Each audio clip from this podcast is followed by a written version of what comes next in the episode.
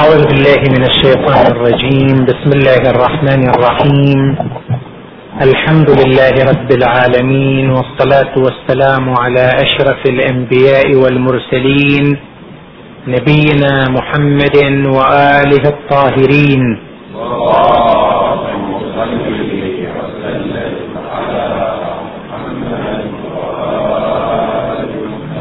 جاء في الحديث عن رسول الله صلى الله عليه وآله أنه قال لا تقوم الساعة حتى تملأ الأرض ظلما وجورا وعدوانا ثم يخرج رجل من عترتي أو من أهل بيتي يملأها قسطا وعدلا كما ملئت ظلما وعدوانا. هذا الحديث أورده الكثير من علماء المسلمين في مصادرهم المعتمدة. فقد رواه الإمام أحمد بن حنبل في مسنده ورواه أبو نعيم في حلية الأولياء ورواه ابن حبان ورواه الحاكم في المستدرك على الصحيحين وقال إنه صحيح على شرط الشيخين. وهو حديث من عشرات الأحاديث بل مئات الأحاديث بل ألوف الأحاديث التي وردت في كتب المسلمين من السنة والشيعة وهي تتحدث عن قضية الإمام المهدي عجل الله تعالى فرجه. وقضية الإمام المهدي هي من القضايا المتفق عليها والمجمع عليها بين المسلمين. وإن أنكرها أحد فهو شاذ. أما الرأي العام السائد عند المسلمين سنة وشيعة فهو الاتفاق على قضية الإمام المهدي. يعني الاتفاق على أن رسول الله صلى الله عليه وآله قد أخبر بأن رجلا من أهل بيته من عترته بل واتفقوا أنه من ذرية فاطمة الزهراء عليها السلام. هذا متفق عليه بين كل المسلمين. يخرج في آخر الزمان يملأ الأرض قسطا وعدلا كما ملئت ظلما وجورا. هذه حقيقة متفق عليها بين جميع المسلمين. هناك خلاف في بعض التفاصيل من ولد الحسن أو من ولد الحسين ولد أو لم يولد هذه تفاصيل. أما في الأصل فهناك اتفاق على هذه القضية والحقيقة.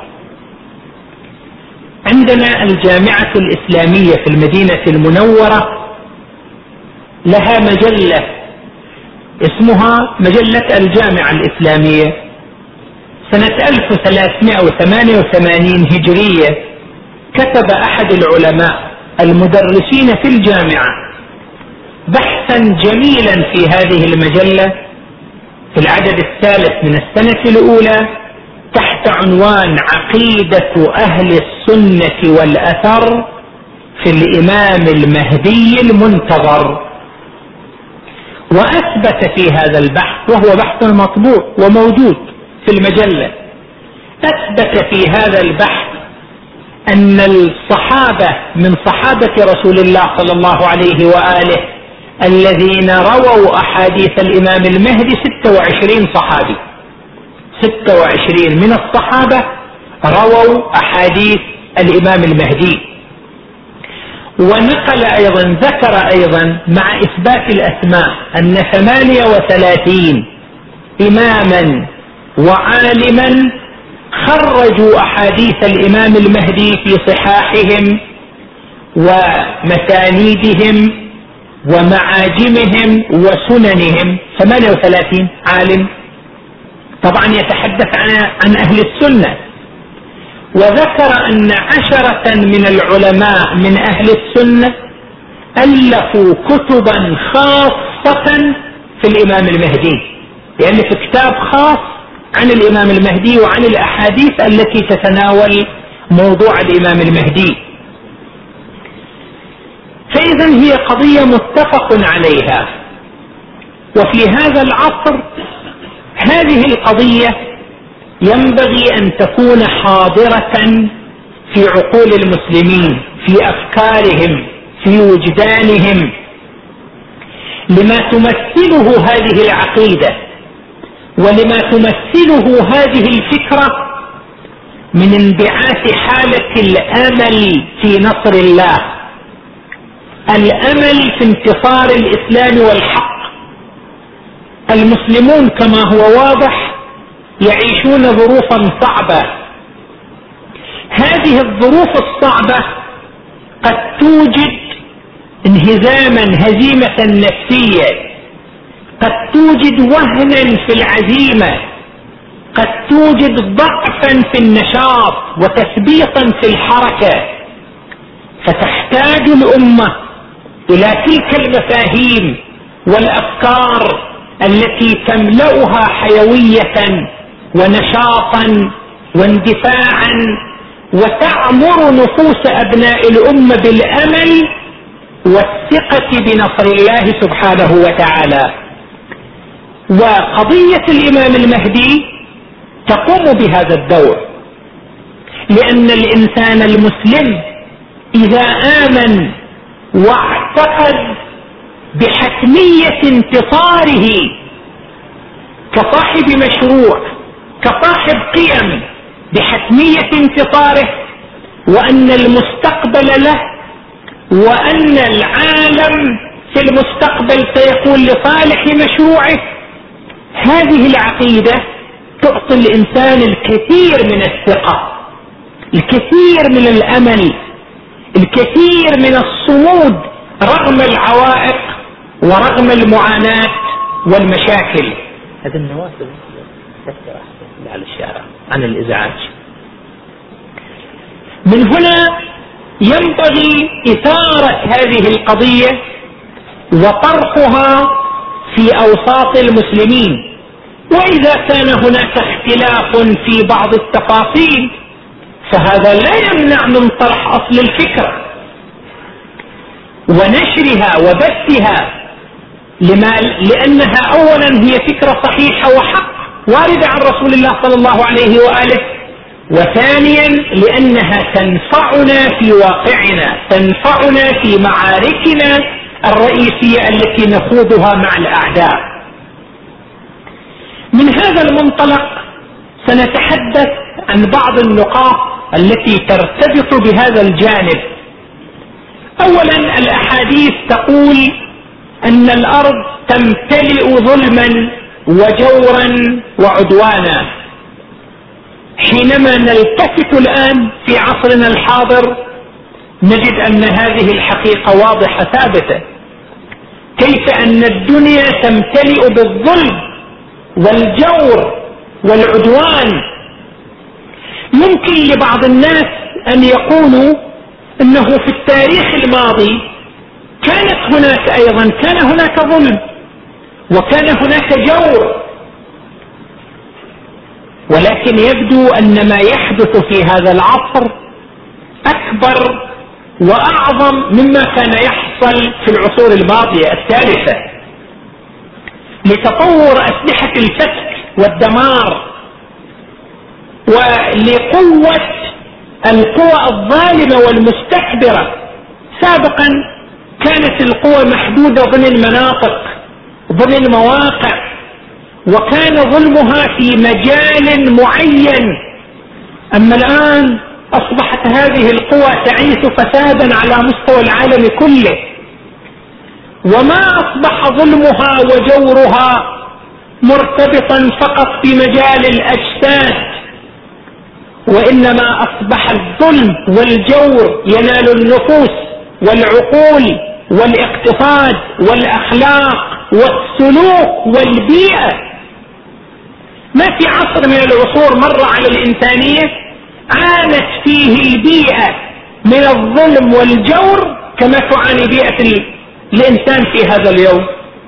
التلوث الذي يحصل في البيئة التلوث الذي يحصل على مستوى الكون بفعل الظلم وبفعل الفساد وبفعل الجور هذا لم يحصل في أي زمن مضى وانقضى. أصبح الإنسان مهددا حتى في طعامه وشرابه. كل يوم وتنكشف لنا حقائق كيف أن هذه الأغذية المصنعة؟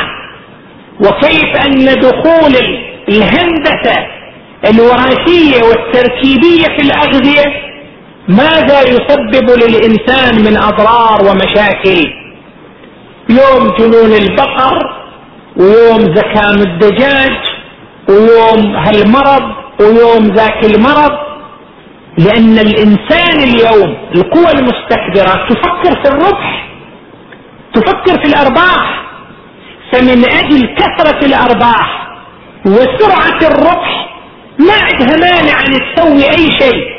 ولو كان فيه مضرة للإنسانية ولو كان فيه مضرة للبشرية. المهم أن هم يحصدوا أكبر قدر ممكن من الأرباح والأموال. فهو ظلم وجور شامل. في الماضي أيضا أي ظلامة أو جريمة تصير تبقى محدودة في حدود مكانها ومجتمعها. بقية الدنيا ما عندهم خبر. سابقا حينما كانت تحصل ظلامة في أفريقيا بقية الناس في بقية القارات لا يعرفون عنها. وكذلك إذا حصلت في آسيا الذين في أفريقيا لا يعرفون عنها. الآن مع وجود وسائل الإعلام المتطورة أي جريمة تحصل؟ غالب الجرائم التي تحصل؟ تمتلئ بها الدنيا يعني تصبح معروفة ومشهورة على مستوى الدنيا كلها.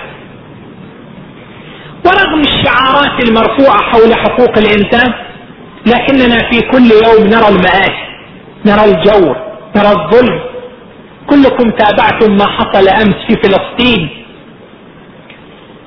هذه القوة الغاصبة المعتدية الكيان الصهيوني يلاحقون مواطنا يتنقل بسيارته داخل الأزقة السكنية.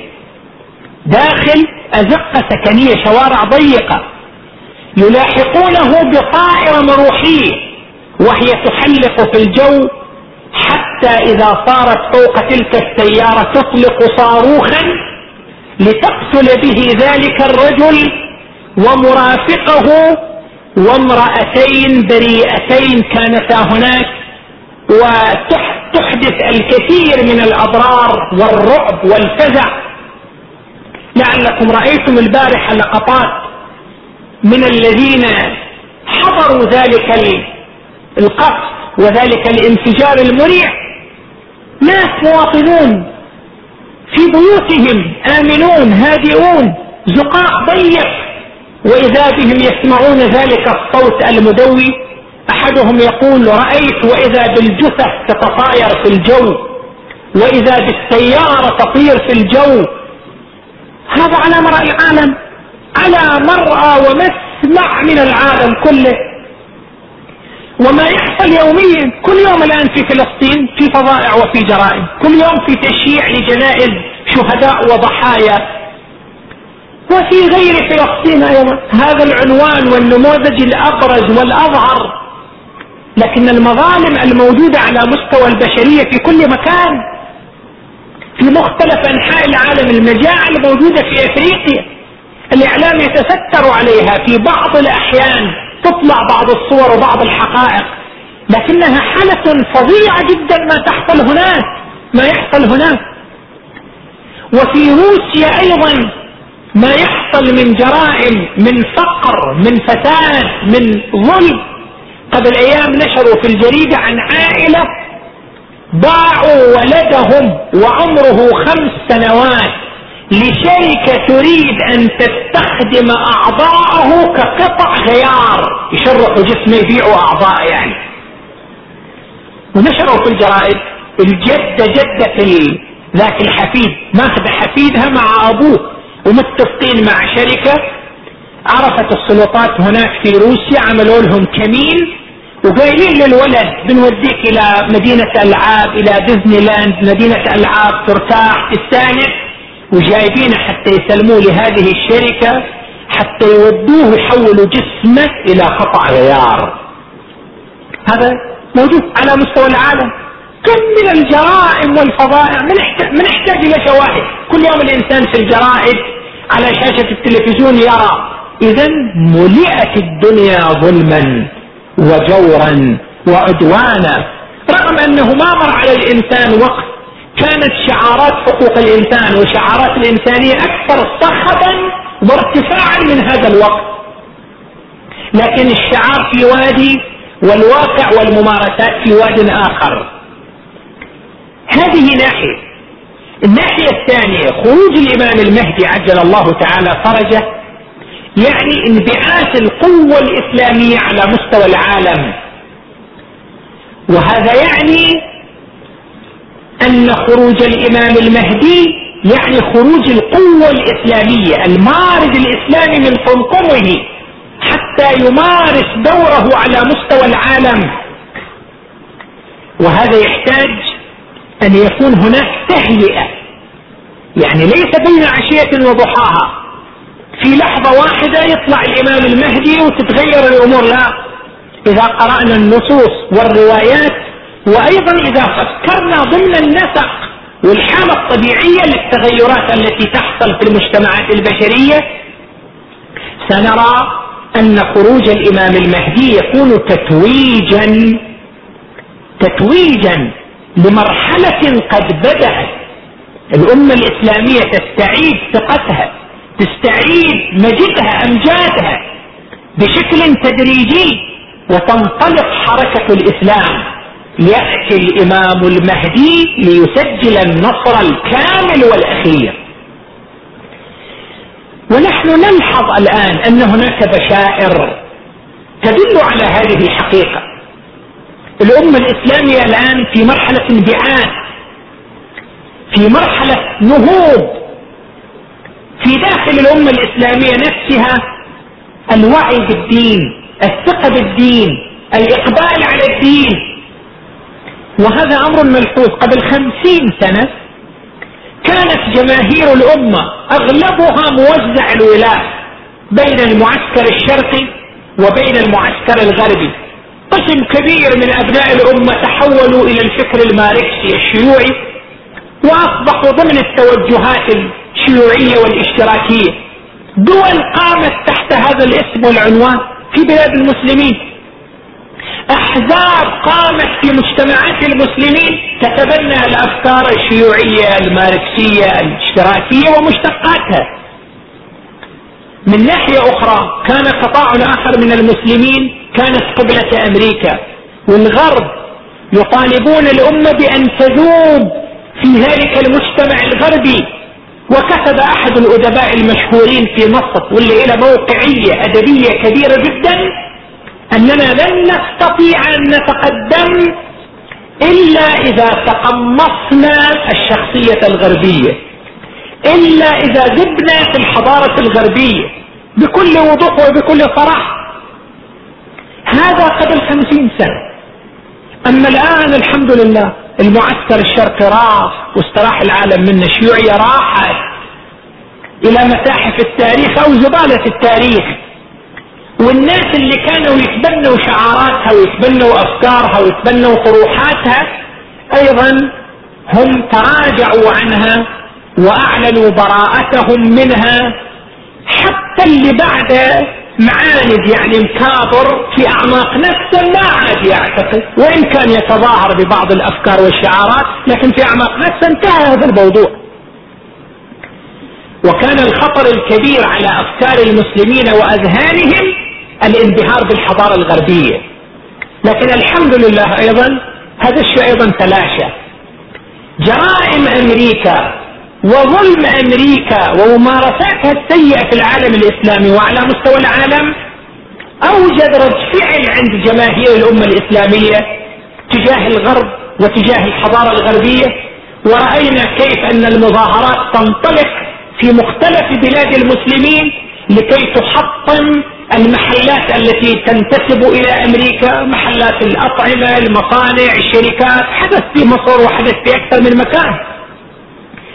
حتى اللي يحب أمريكا حتى اللي منبهر بأمريكا يستحي يدافع عنها الان لأنه بان للناس وبان للمسلمين وجهها البشع وجهها القبيح تجاه الشعوب المستضعفة تجاه الجماهير المسحوقة. حالة الانبهار تلاشت انتهت. في المقابل حصلت عودة إلى الذات. المسلمون الآن يعودون إلى دينهم. ولولا العوائق التي تضعها بعض السلطات المخالفة للإسلام والمعادية للإسلام في بلاد المسلمين لرأيت الحياة حياة المسلمين بشكل عام تسير وفق شريعة الإسلام. لكن لما يعيش المسلمون في ظل حكم مثل تركيا مثل الحكم العلماني في تركيا اللي لحد الآن يعتبر الحجاب جريمة. فتيات فتيات مسلمات يردن دخول الجامعة بحجابهن فيمنعن. قبل أيام واحدة منهم سحقت بالسيارة عند باب الجامعة في تركيا. أيام وهي واقفة. انزع حجابك ترفض ما انزع حجاب أدخل الجامعة بحجابي ما تدخل ما تدخل توقف على باب الجامعة طول الدوام. يوميا تجي توقف على باب الجامعة دوام كامل إلى أن يخرجن الطالبات. حتى تبرز للرأي العام وللناس الظلامة التي تعيشها. قبل كم يوم جت السيارة وسحقتها على باب الجامعة. مع هذه العوائق تعال شوف إقبال المسلمين على دينهم وعلى ما يمثل دينهم في الانتخابات المصرية الأخيرة. في مختلف الفرص أي فرصة تصير للناس حتى يعبروا عن دينهم وعن توجههم الحقيقي. ترى هذه الحالة واضحة. فإذا عادت للناس ثقتهم بدينهم. طبعا لحتى الآن لازلنا نحتاج إلى مسافة إلى شوط إلى عمل. لكن البشائر أتحدث عن البشائر البشائر موجودة. هذه الحركة الإسلامية الموجودة في فلسطين هذه المقاومة الموجودة في لبنان هذا النشاط الإسلامي في مختلف المناطق والبقاع هذه كلها مؤشرات على أنه بدأت الأمور تسير في المسار الطبيعي. بدأت البشائر الإرهاقات لحركة خروج الإمام المهدي صاحب العصر والزمان عجل الله تعالى فرجه. النقطة الثالثة في هذا المجال توجه الأمة إلى أهل البيت. هذا أيضا من البشائر. حقب وعصور طويلة مرت على الأمة الإسلامية. كان في نوع من التجاهل والإغفال. والإعراض عن أهل البيت عليهم السلام. في البداية كان بسبب صراعات سياسية في عهد الأئمة عليهم السلام. سلطات مثل الحكومات الأموية الحكومات الأموية والعباسية كانوا يرون في وجود أهل البيت عليهم السلام وجودا منافسا لهم. نفس وجود أهل البيت كان يفضح نواقصهم. ولذلك ما كانوا يتحملون وجود أهل البيت. وما كانوا يسمحون بنشر أفكار أهل البيت التي تعبر عن الأفكار الإسلامية الصحيحة والسليمة.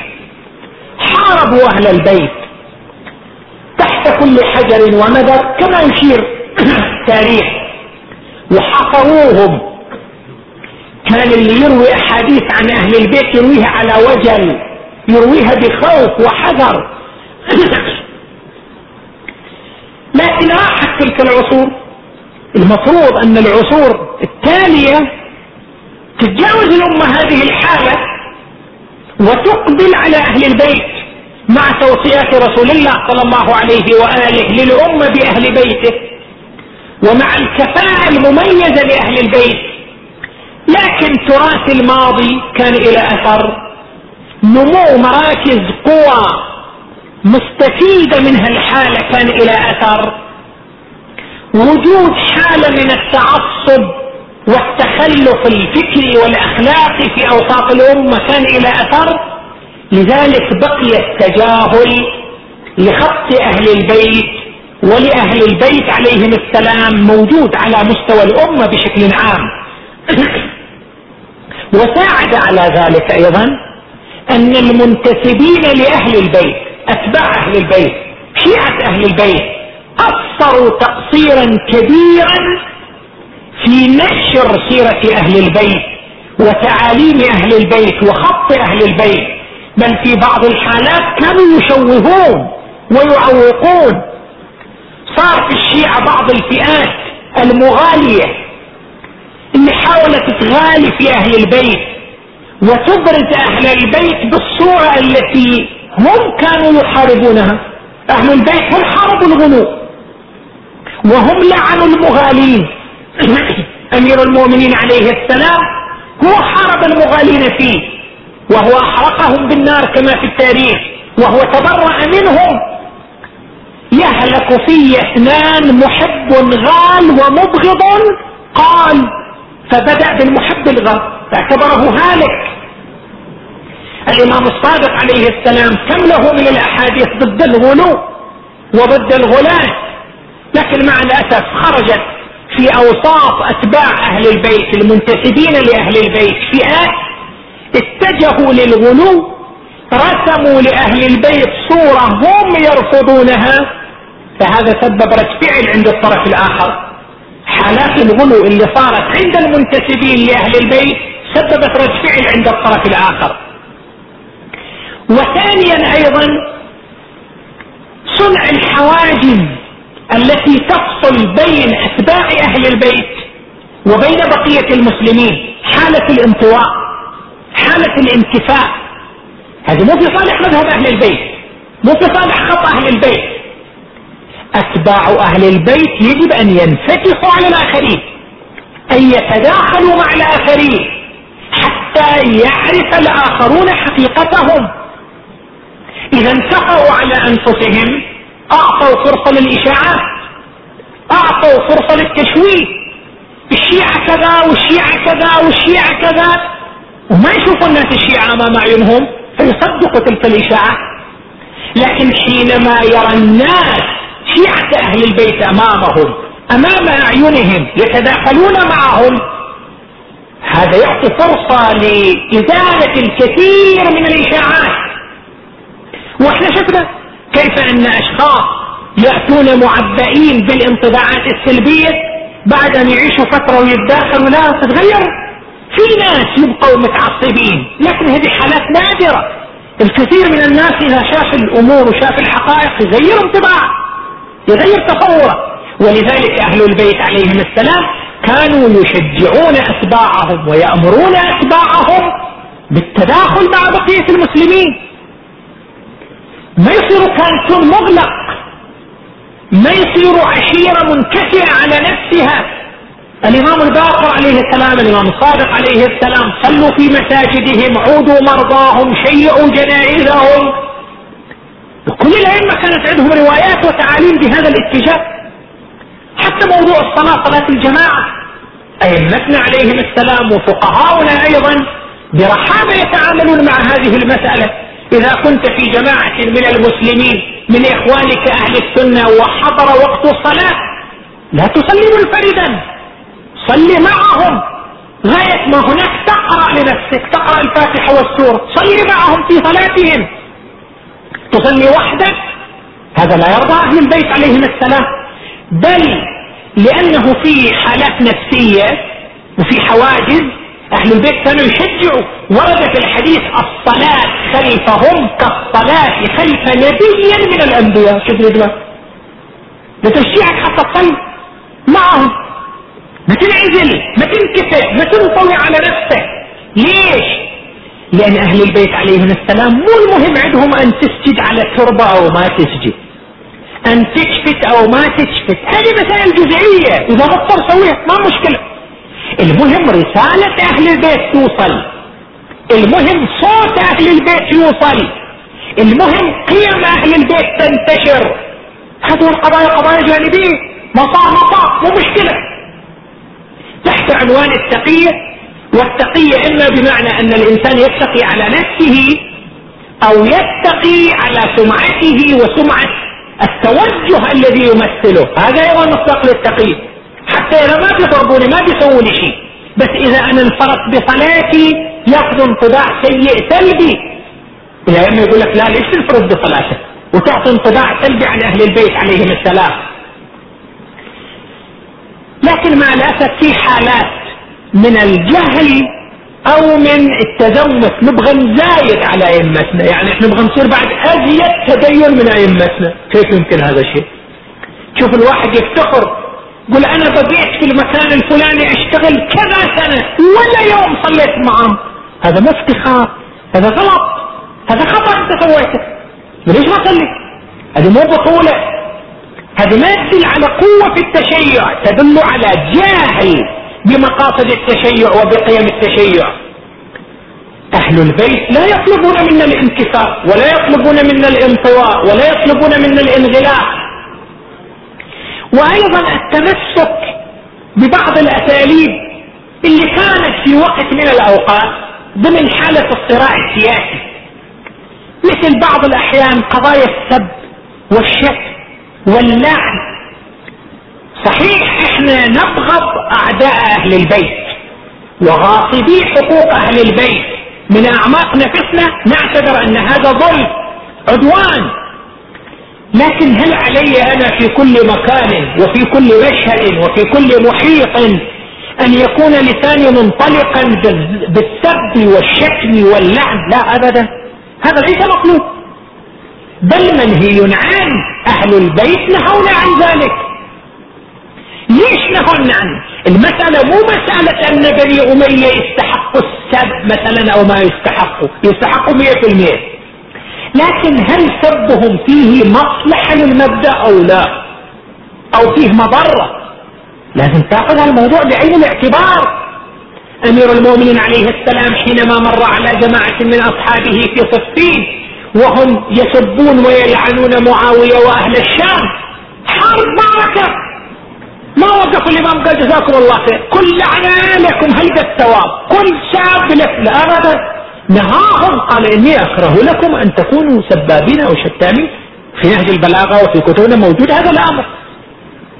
نهاهم أن يسبوا أهل الشام أن يسبوا معاوية. ليش؟ لأن الإمام عليه السلام كان يريد المصلحة مصلحة القيم مصلحة المبادئ. مو صنع الحواجز مو صنع الحدادات رواية أخرى جدا جميلة مذكورة في بحار الأنوار. وفي كتب إخواننا أهل السنة أيضا أبو جهل معروف أبو جهل بعد من أشد الأعداء لرسول الله صلى الله عليه وآله. بعد فتح مكة عند ولد اسمه عكرمة عكرمة ابن أبي جهل. وهذا أيضا كان مؤذي لرسول الله صلى الله عليه وآله. الرسول أهدر دمه قال أي واحد يشوف عكرمة يقتله مهدور الدم. زوجته زوجة عكرمة امرأة عاقلة لبيبة مسلمة أيضا جاءت إلى رسول الله صلى الله عليه وآله يا رسول الله عكرمة انت اهدر الدم وشرد طلع شرد راح من مكة. وهو ابن عمي وزوجي وأنا أريد أن آخذ الأمان إليه. منك يا رسول الله. الرسول قال قد امنته خلاص له الآن. قد امنته يا رسول الله أروح اخليه يجي قال له هنا خلاص. لكن ما دام قال النبي كلام خلاص روح خليه. راحت تدور عليه شافته وإذا هو في الميناء يبغى يسافر يهرب أصلا. نادت له وحت له وهو على على المركب على السفينة. تعال تعال. كان متردد لأنها مسلمة أيضا ما يجي وحدها. ثم اقترب منها. ما الخبر؟ قالت لماذا تتغرب وتهاجر وتبتعد عن أهلك ووطنك؟ إن رسول الله ابر الناس وأوفى الناس وخير الناس وقد أخذت لك الأمان منه. إجا وقد آمن لي رسول الله. آمن لي رسول الله. قال نعم. قالت نعم. فجاء معها. فلما جاء معها إلى مكة أرادت أن تدخل على رسول الله صلى الله عليه وسلم. الرسول في مكة عند فتح مكة. لما بشر الرسول بان عكرمه جاي جايبته زوجته. فرح رسول الله ثم التفت إلى أصحابه. وهذا محل الشاهد. قال إنه سيدخل عليكم عكرمة وسيسلم. ألا لا تسبوا أباه. لا تسبوا أبو جهل قدامه. فإن السب يؤذي الحي ولا يبلغ.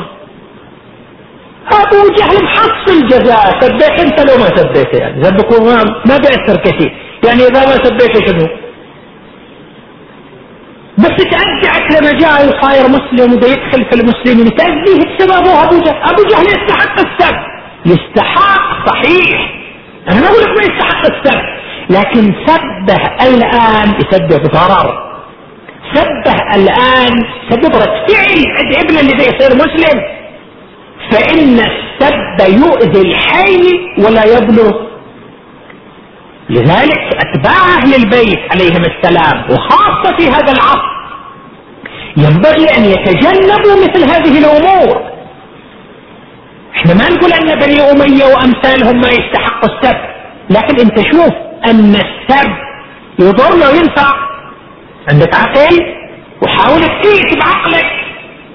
هكذا يأمرنا أهل البيت عليهم السلام.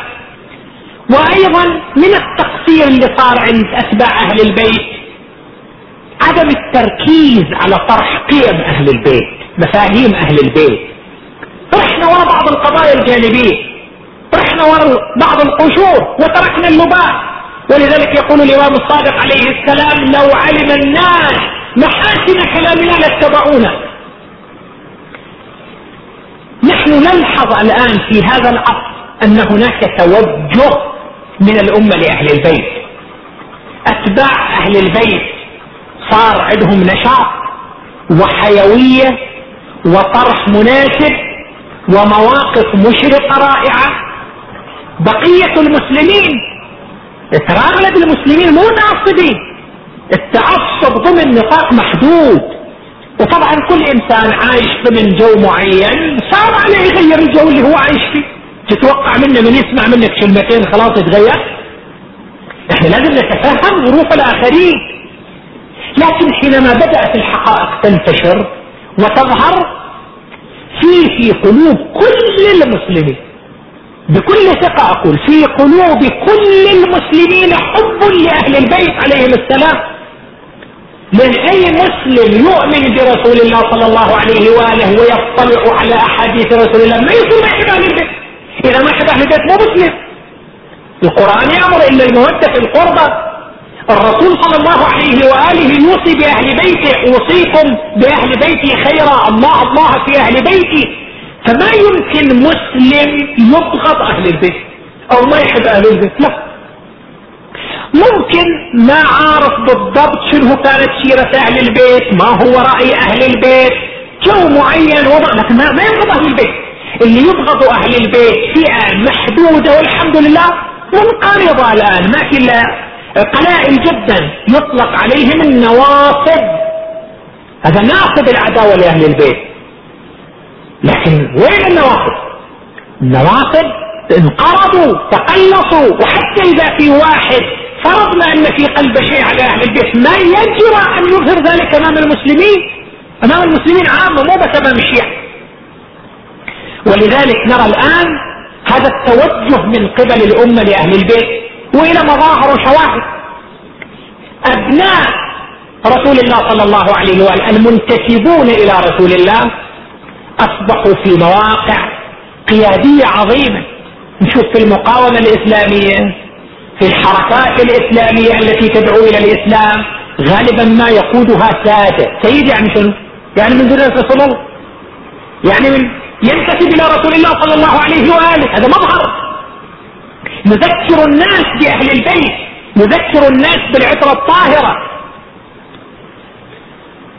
أي كتابة تصير حول أهل البيت؟ عندنا هنا في المملكة الدكتور محمد عبدو يماني كتب كتابا علموا أولادكم محبة آل بيت رسول الله صلى الله عليه وآله.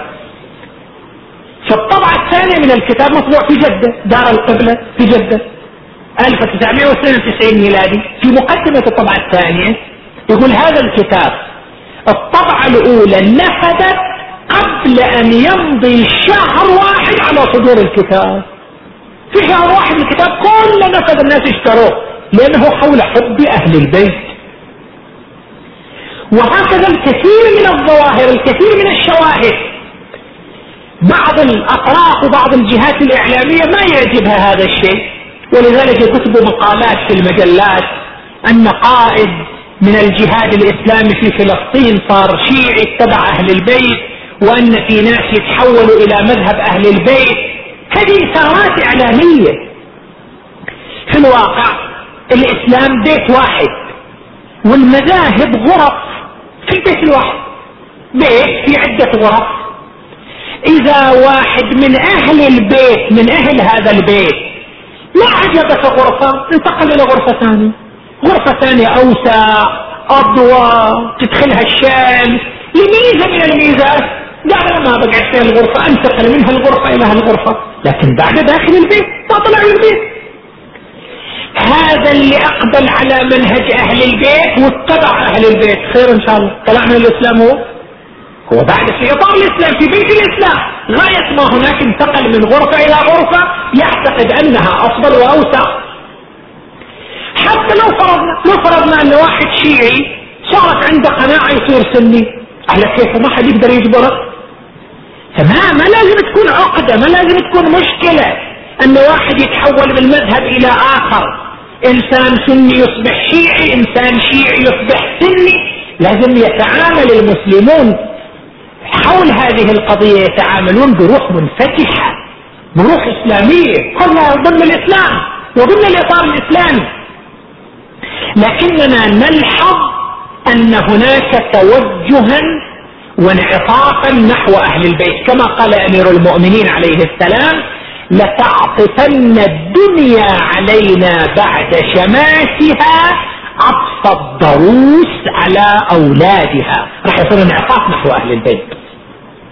ونحن نرى الآن بعض البشائر في هذا الاتجاه. هذه كلها تؤكد لنا وتقرب إلى أذهاننا حقيقة قضية الإمام المهدي. عجل الله تعالى فرجه. نسأل الله سبحانه وتعالى أن يبارك لنا ولكم ولجميع المسلمين هذه الأيام المباركة الطيبة. ونسأل الله أن يثبتنا جميعا على الولاء للإسلام ولأهل البيت. ونسأل الله أن يوفقنا للسير في طريقهم واتباع تعاليمهم وأن يوحد كلمة المسلمين ويجمع شملهم وأن يقر أعيننا جميعا بظهور الإمام المهدي. وتحقيق النصر الكامل والحاسم على يديه. ونسأل الله تعالى أن يقضي حوائج السائلين وأن يشافي جميع المرضى وأن ينصر الإسلام والمسلمين اللهم تغمد أرواح أمواتنا وأموات الحاضرين والمؤمنين والمؤمنات منك بالمغفرة والرحمة والرضوان إنك أرحم الراحمين. والحمد لله رب العالمين وصلى الله على نبينا محمد وآله الطاهرين.